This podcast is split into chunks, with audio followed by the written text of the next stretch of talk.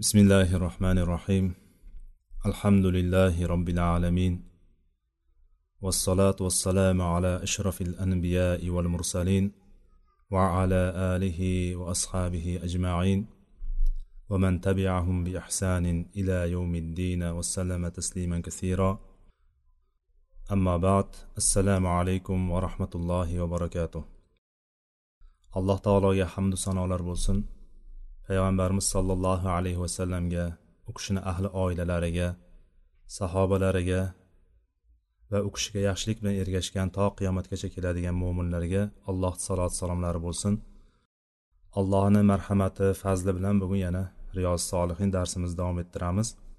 Alloh taolo bu majlisimizni o'zi rozi bo'ladigan majlislardan qilsin va majlisda sodir bo'ladigan xato va kamchiliklarni alloh taolo o'zi af aylasin. Va xato kamchiliklarga alloh taolo bizni yo'l qo'ydirmasin. Va majlisdan chiqarkan har birimiz mana shu hadislarga oyatlarga amal qilgan holatdagi ruhni olib hayotimizga tadbiq qiluvchi bo'lishligimizni alloh taolo nasib qilib gunohlarimizni mag'firat qilsin.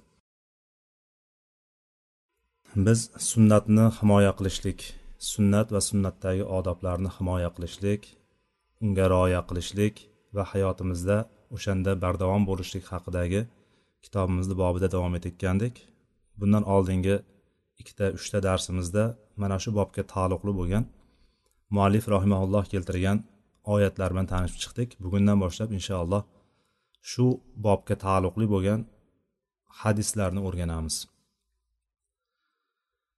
Allohni o'zidan tavfiq so'ragan holatda boshlaymiz. Al avval birinchi hadis. Kitoblarga ko'ra farq qiladi. Meni kitobimda bir yuz oltmishinchi hadis ekan.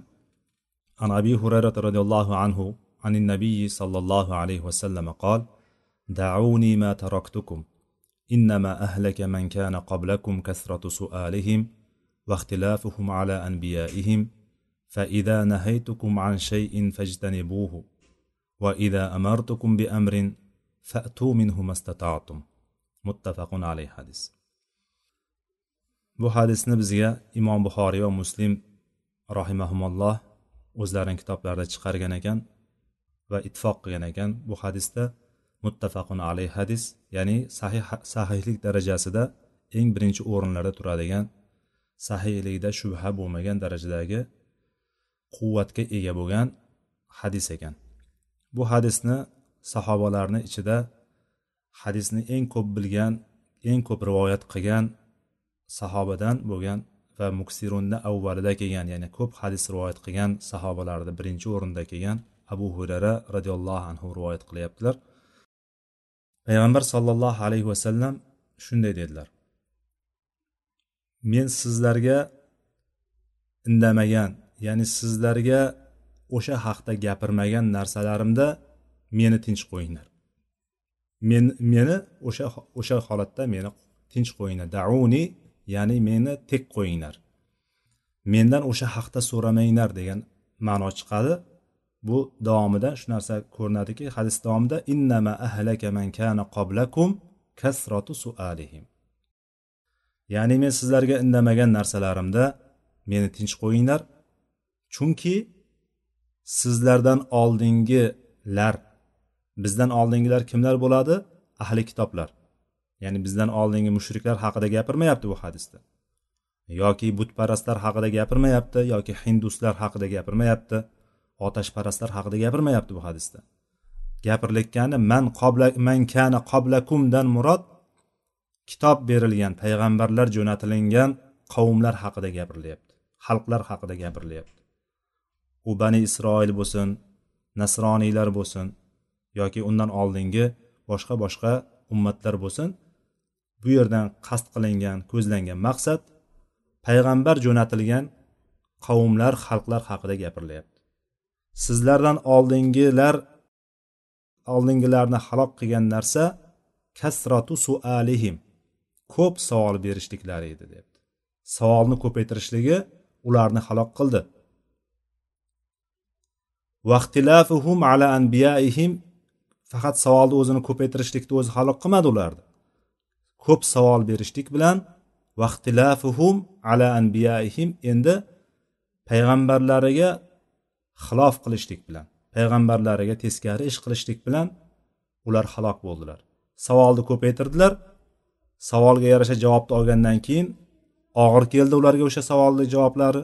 O'sha javoblarni qilolmasdan yoki qaysarlik qilib turib qilmasligi natijasida payg'ambarlarni aytgan gaplarini qilmasligi natijasida ular halok bo'lib ketishdi. Ularni halokati mana shu yerda bo'ldi. Shunday ekan faida nahaytukum an shayin fajtanibuhu. Endi shunday ekan men sizlarni deyapti payg'ambar sallallohu alayhi vasallam aytyapti bular bu gapni. Agar men sizlarni bir narsadan qaytaradigan bo'lsam qaytinglar o'sha narsadan. Ya'ni bir narsadan qaytarsam o'shandan uzoq turinglar. Va ida amartukum bi amrin. Agar bir ishga buyuradigan bo'lsam bir narsaga buyuradigan bo'lsam fatu minhu mastata'tum. Ana endi bu ishni qodir bo'lganlaringizcha qo'llaringdan kelgunicha bu narsani qilinglar bajaringlar dedilar payg'ambar sallallohu alayhi vasallam. Mana shu hadis ekan. Bu bobga taalluqli bo'lgan joyi hali o'rni kelganda aytamiz. Ya'ni bu bobda biz sunnatga bog'liqligimiz va sunnatni himoya qilishligimiz sunnatni mahkam ushlashligimiz haqidagi bob.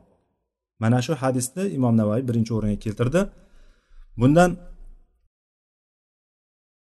sahobalar payg'ambar sollallohu alayhi vasallamdan boshida o'zlariga kerak bo'lgan narsalar so'rab turishardi.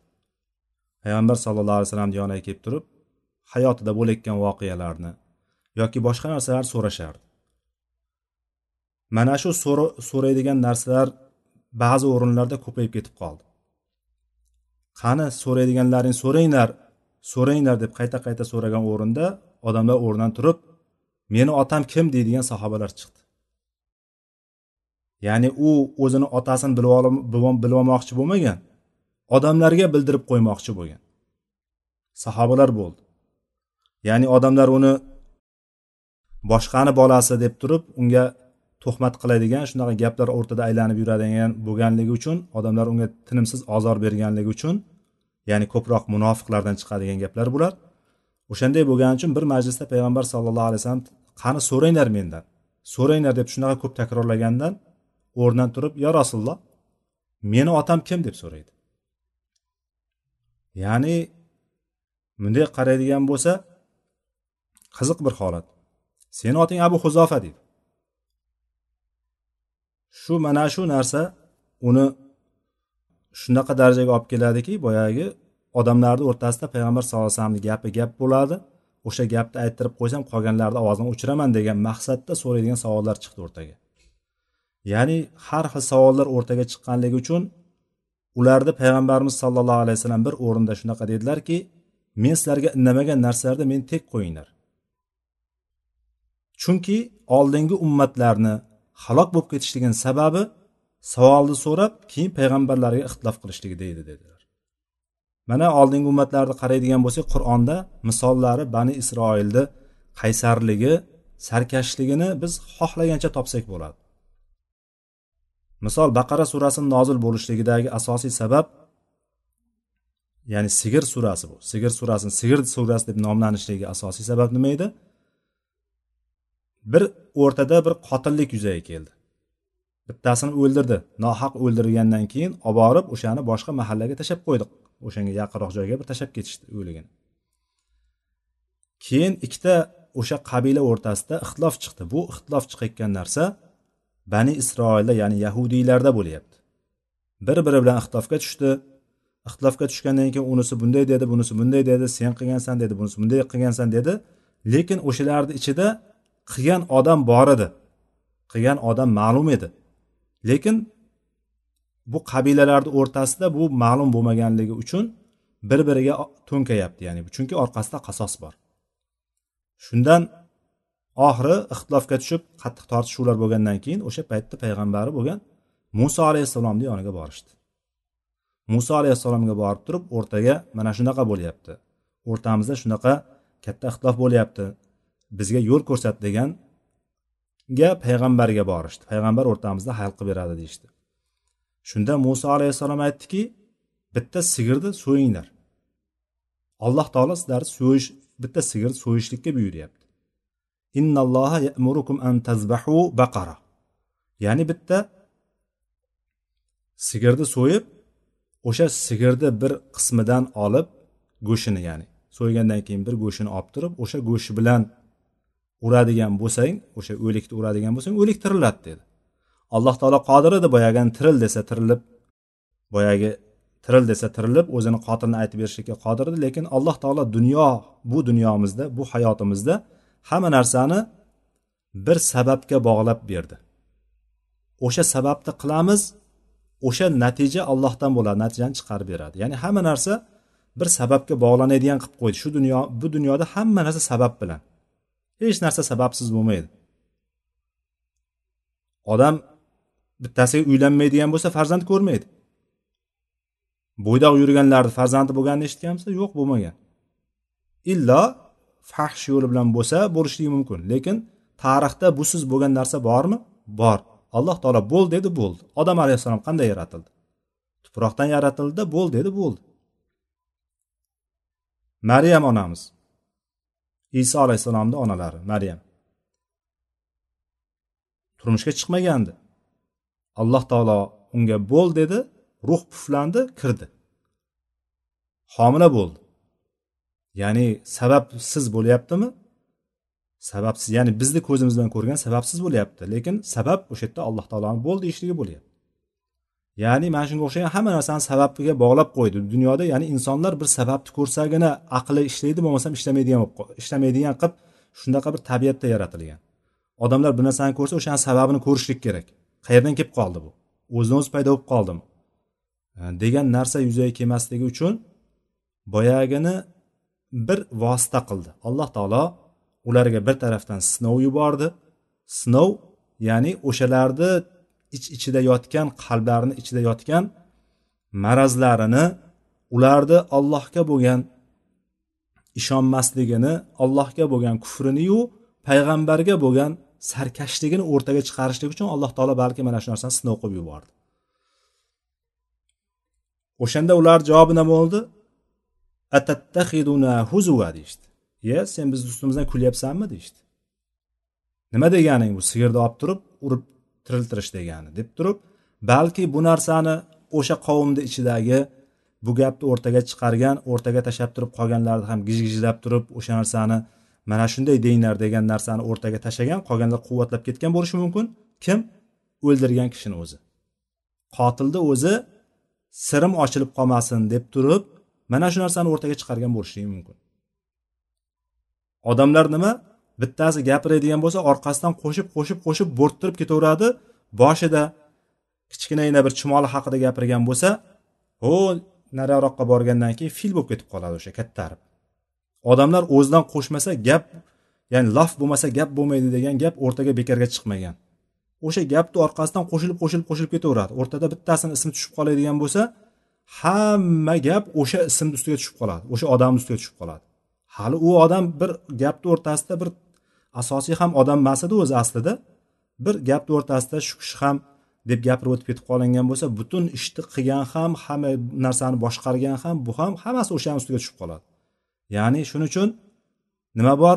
Hadisda payg'ambarimiz sallallohu alayhi vasallam eshitganini eshitgan narsasini gapiraveradigan kishi o'sha kishini yolg'onchiligiga kifoya deganlar. Shuning uchun eshitgan narsani gapirilavermaydi. Eshitgan narsani gapirilavermaydi. Agar gapirishlik kerak bo'lib qolgan taqdirda ham qanday eshitgan bo'lsa xuddi shunday gapirishlik kerak. Bu narsa kishini o'zini omonatdorligiga o'zini adolatiga tegishli bo'lgan narsa bu. Agar aytgan gapni aytganda yetkazmaydigan bo'lsa uni adolati sinadi uni. Hadischilarni hadisshunoslarni muhaddislarimizni nazari bilan oladigan bo'lsak adolatsiz kishidan hadis ham rivoyat qilinmaydi. Undan bir hukm ham olinmaydi undan. Bir hadisni rivoyat qilib beradigan bo'lsa yoki bir islomdan bir hukmni aytadigan bo'lsa unga qo'l siltab ketiladigan odam bo'lib qoladi. Ya'ni mana shunaqa odam bo'lib qolmasligimiz kerakki buning uchun nima? Eshitgan gapimizni aytmoqchi bo'ladigan bo'lsak eshitganday qilishligimiz kerak. Yoki gapirmasligimiz kerak. Agar o'shanga ishonchimiz komil bo'lmaydigan mutaakkid bo'lmaydigan bo'lsak o'shani gapirmasligimiz kerak. Xullas e, bu yerda bu o'zimni taxminim bilan gapiryapmanki balki o'sha qotil meni aybim ochilib qolmasin chunki bu payg'ambar biladi payg'ambarni payg'ambar ekanligini uni aytganini qiladigan bo'lsa o'sha narsa ro'yobga chiqishligini biladi. Lekin bular payg'ambarlarga qaysarlik qilishlik payg'ambarlarga teskari qilishlik bilan uchiga chiqqan qavm edi bular. Oldindan ma'lum shunday. Bu ham shunday shu narsa qavmni ichidan chiqqan u ham biladi shu narsani va o'sha yerda bir gap tashlayaptiki bu bizni ustimizdan kulyaptimi qanday bo'lishi mumkin bu? Bitta sigir nima aloqasi bor? Sigir bilan bu o'lgan odamni tirilishini o'rtasida nima nima aloqasi bor deb turib o'rtaga gap tashlagan bo'lsa qolganlar o'shani quvvatlab ketib qoldi. Deyish mumkin balki. Lekin bu yerda alloh taolo umumiy qilib aytyaptiki qavm aytdi huzuva deyishdi ular bizni ustimizdan kulyapsanmi deyishdi lekin muso alayhissalom javobi ollohdan men johillardan bo'lib qolishlik ya'ni sizlarni ustilaringdan kulishlikdan sizlarga tajovuz qilishlikdan sizlarni bunaqa mensimasdan sizlarni mana shunaqa masxara qilishlikdan shunaqa bo'lib qolishlikdan alloh taolodan panoh so'rayman dedilar. Va orqasidan aytdilarki keyin unday degandan keyin ha bu demak bu haq to'g'ri aytyapti ekan degan qanoatga kelishdi. Bani isroil shunaqa qanoatga kelishdi. Endi boyagi balki gapni o'rtaga tashlagan odamni gapi puchga chiqdi. Endi bular davom etyapti. Bo'lmasam dedi robbingga duo qil dedi. Qanday uni qandayligini bayon qilsin dedi. Ya'ni ular o'sha payt bitta sigirni olib turib so'ysa bo'lardi lekin nima qildi bular? Savolni ko'paytirib boshlashdi. Savol qancha ko'paysa shuncha o'zlariga qiyin bo'lib boraveradi. Bu narsani ular bildilar yoki bilmadilar. Qanday bo'lgan taqdirda ham har doim payg'ambarlar davrida qaysi savol berilgan bo'lsa o'sha savolni orqasidan yana savol berilib gap ko'paytiriladigan bo'lsa o'sha narsa albatta qiyin bo'lgan hech qachon yengil bo'lmagan. Bu savolni berdi yana. Bizga aytib ber qanaqasini dedi. Keyin muso alayhissalom aytdiki alloh taolo aytyapti u qari ham emas yosh ham emas ya'ni qarib ketgan o sigir bir qarib ketgan sigir ham emas yoki yosh g'unajin ham emas. Ularni o'rtasidagi o'rta yoshli bir sigir deyapti. Endi ollohni buyurganini qilinglar dedi. Fafalu ma tu'marun dedi. Fafalu ma tu'marun ya'ni bu oldingi alloh taolo sizlarga sigir so'yishni buyuryapti degan gapni ta'kidi edi bu. O'shani ta'kidlab endi ollohni farmonini buyrug'ini qilinglar bajaringlar deyapti. Shunda ham o'sha yerda yana bir urg'u beryapti. Ularni yana bir to'xtatmoqchi ular savollaridan qaysarligidan to'xtatmoqchi lekin ular yana savol davom ettirishdi. To'xtamadi. Bo'lmasam robbingga duo qilchi so'rachi robbingdan. Rangi qanaqa uni deyishdi. O'sha payt ham o'rta yoshda bitta sigirni olib kelib turib so'yganda ish bitardi lekin bular rangini so'rab boshlashdi. Rangini so'raganda muso alayhissalom aytdiki alloh taoloni aytishicha u ochiq malla rang. Ya'ni malla sigir. Malla sigirki shunaqa bir tiniq rangi. Rangi tiniqligidan rangi chiroyligidan ko'rgan odamni bahri dili ochiladi. Ko'ngli chog' bo'ladi dedi. Tasurrun nodirin ko'rgan kishi unday bir bahri bir ochiladigan bir havasi keladigan sigir bo'ladi. O'shanaqa deb ta'rifladi alloh taolo. Yana qiyinlashdimi? Undan keyin yana savolni ko'paytirishdi. E bu dedi juda bizga noaniq bo'lib qoldiku endi bu sigir dedi. E, buni qandayligini aytsangchi yana aniqroq yanada aniqroq qilib aytgin.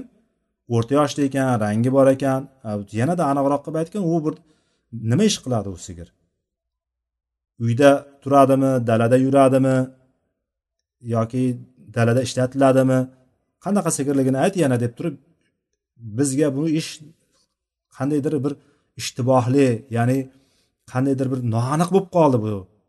Degandan keyin orqasidan qo'shib qo'yishdiki inshaalloh endi yo'limizni topib olamiz deyishdi. Inshaalloh endi yo'limizni topib olamiz deyishdi. Undan keyin yana muso alayhissalom aytdiki sigirni rang butun sifatlarni hammasini aytib berdi keyin.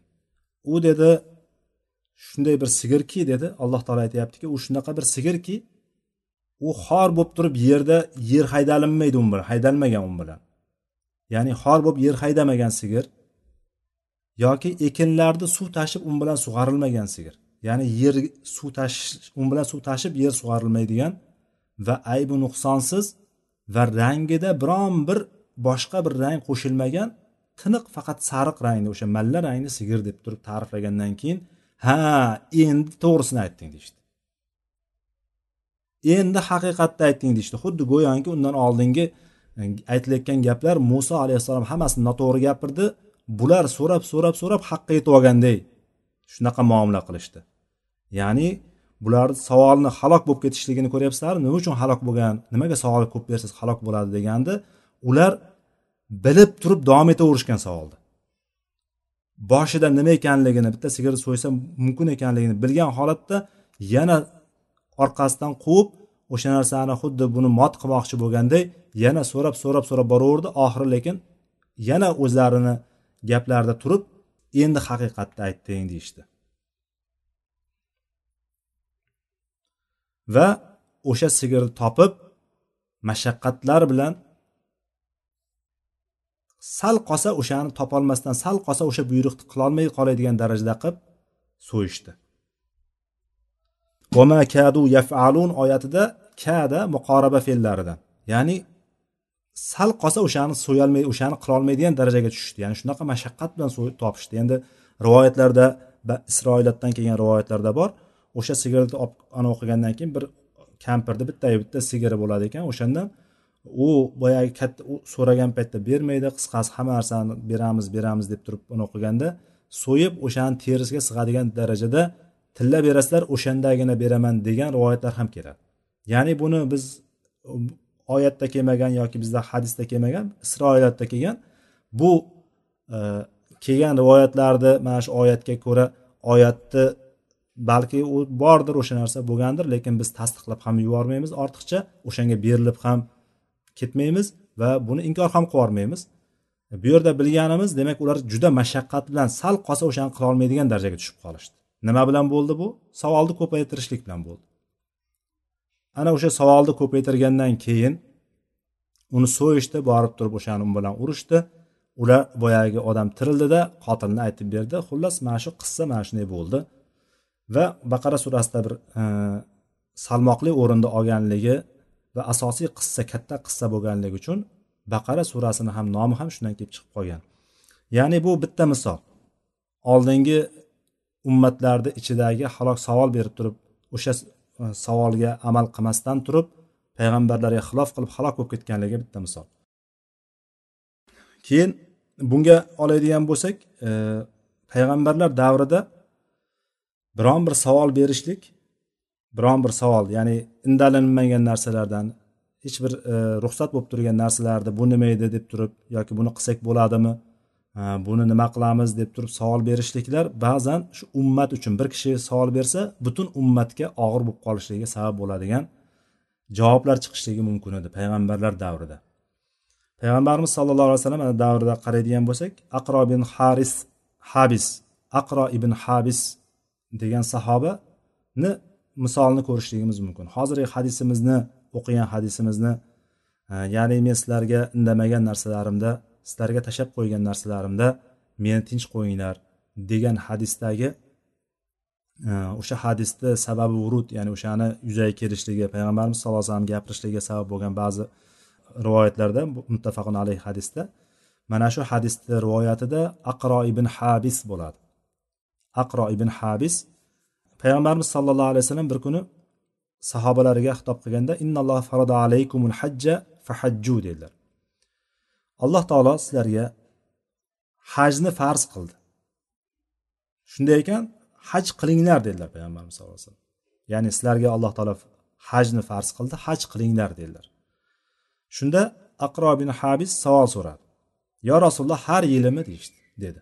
Ya'ni har yili haj qilishligimiz farzmi? deb so'radi. Mana shu savol ya'ni o'zi savolda aytganda uni yilga payg'ambarimiz har yili yoki e, E, yilda o'n yilda bir yoki falon yoshda bir degan narsalar bilan payg'ambarimiz belgilab bermagani uchun bu o'zi umumiy tashkil qilardi haj qilsa bo'ldi ekan. O'sha farz bo'ynimizdan tushadi ekan narsa. Ma'lum bo'lardi o'sha narsa. O'sha narsa tushunilardi shu narsadan. Lekin buni savoli turib har yilimi? dedi payg'ambarimiz indamay turgan joyida bu o'shani bir narsaga qayd qilmoqchi bo'ldi. Ya'ni o'sha muayyan bir vaqtga belgilab qo'ymoqchi bo'ldida so'rab turib yo rasululloh har yilimi? deganda payg'ambarimiz sallallohu alayhi vasallam bundan achchiqlandilar. Va payg'ambarimiz aytdilarki agar lav qultu naam la vajabat agar ha deganimda edi vojib bo'lib qolardi dedi. Ya'ni har yili haj qilishlik ummatga farz bo'lib qolardi.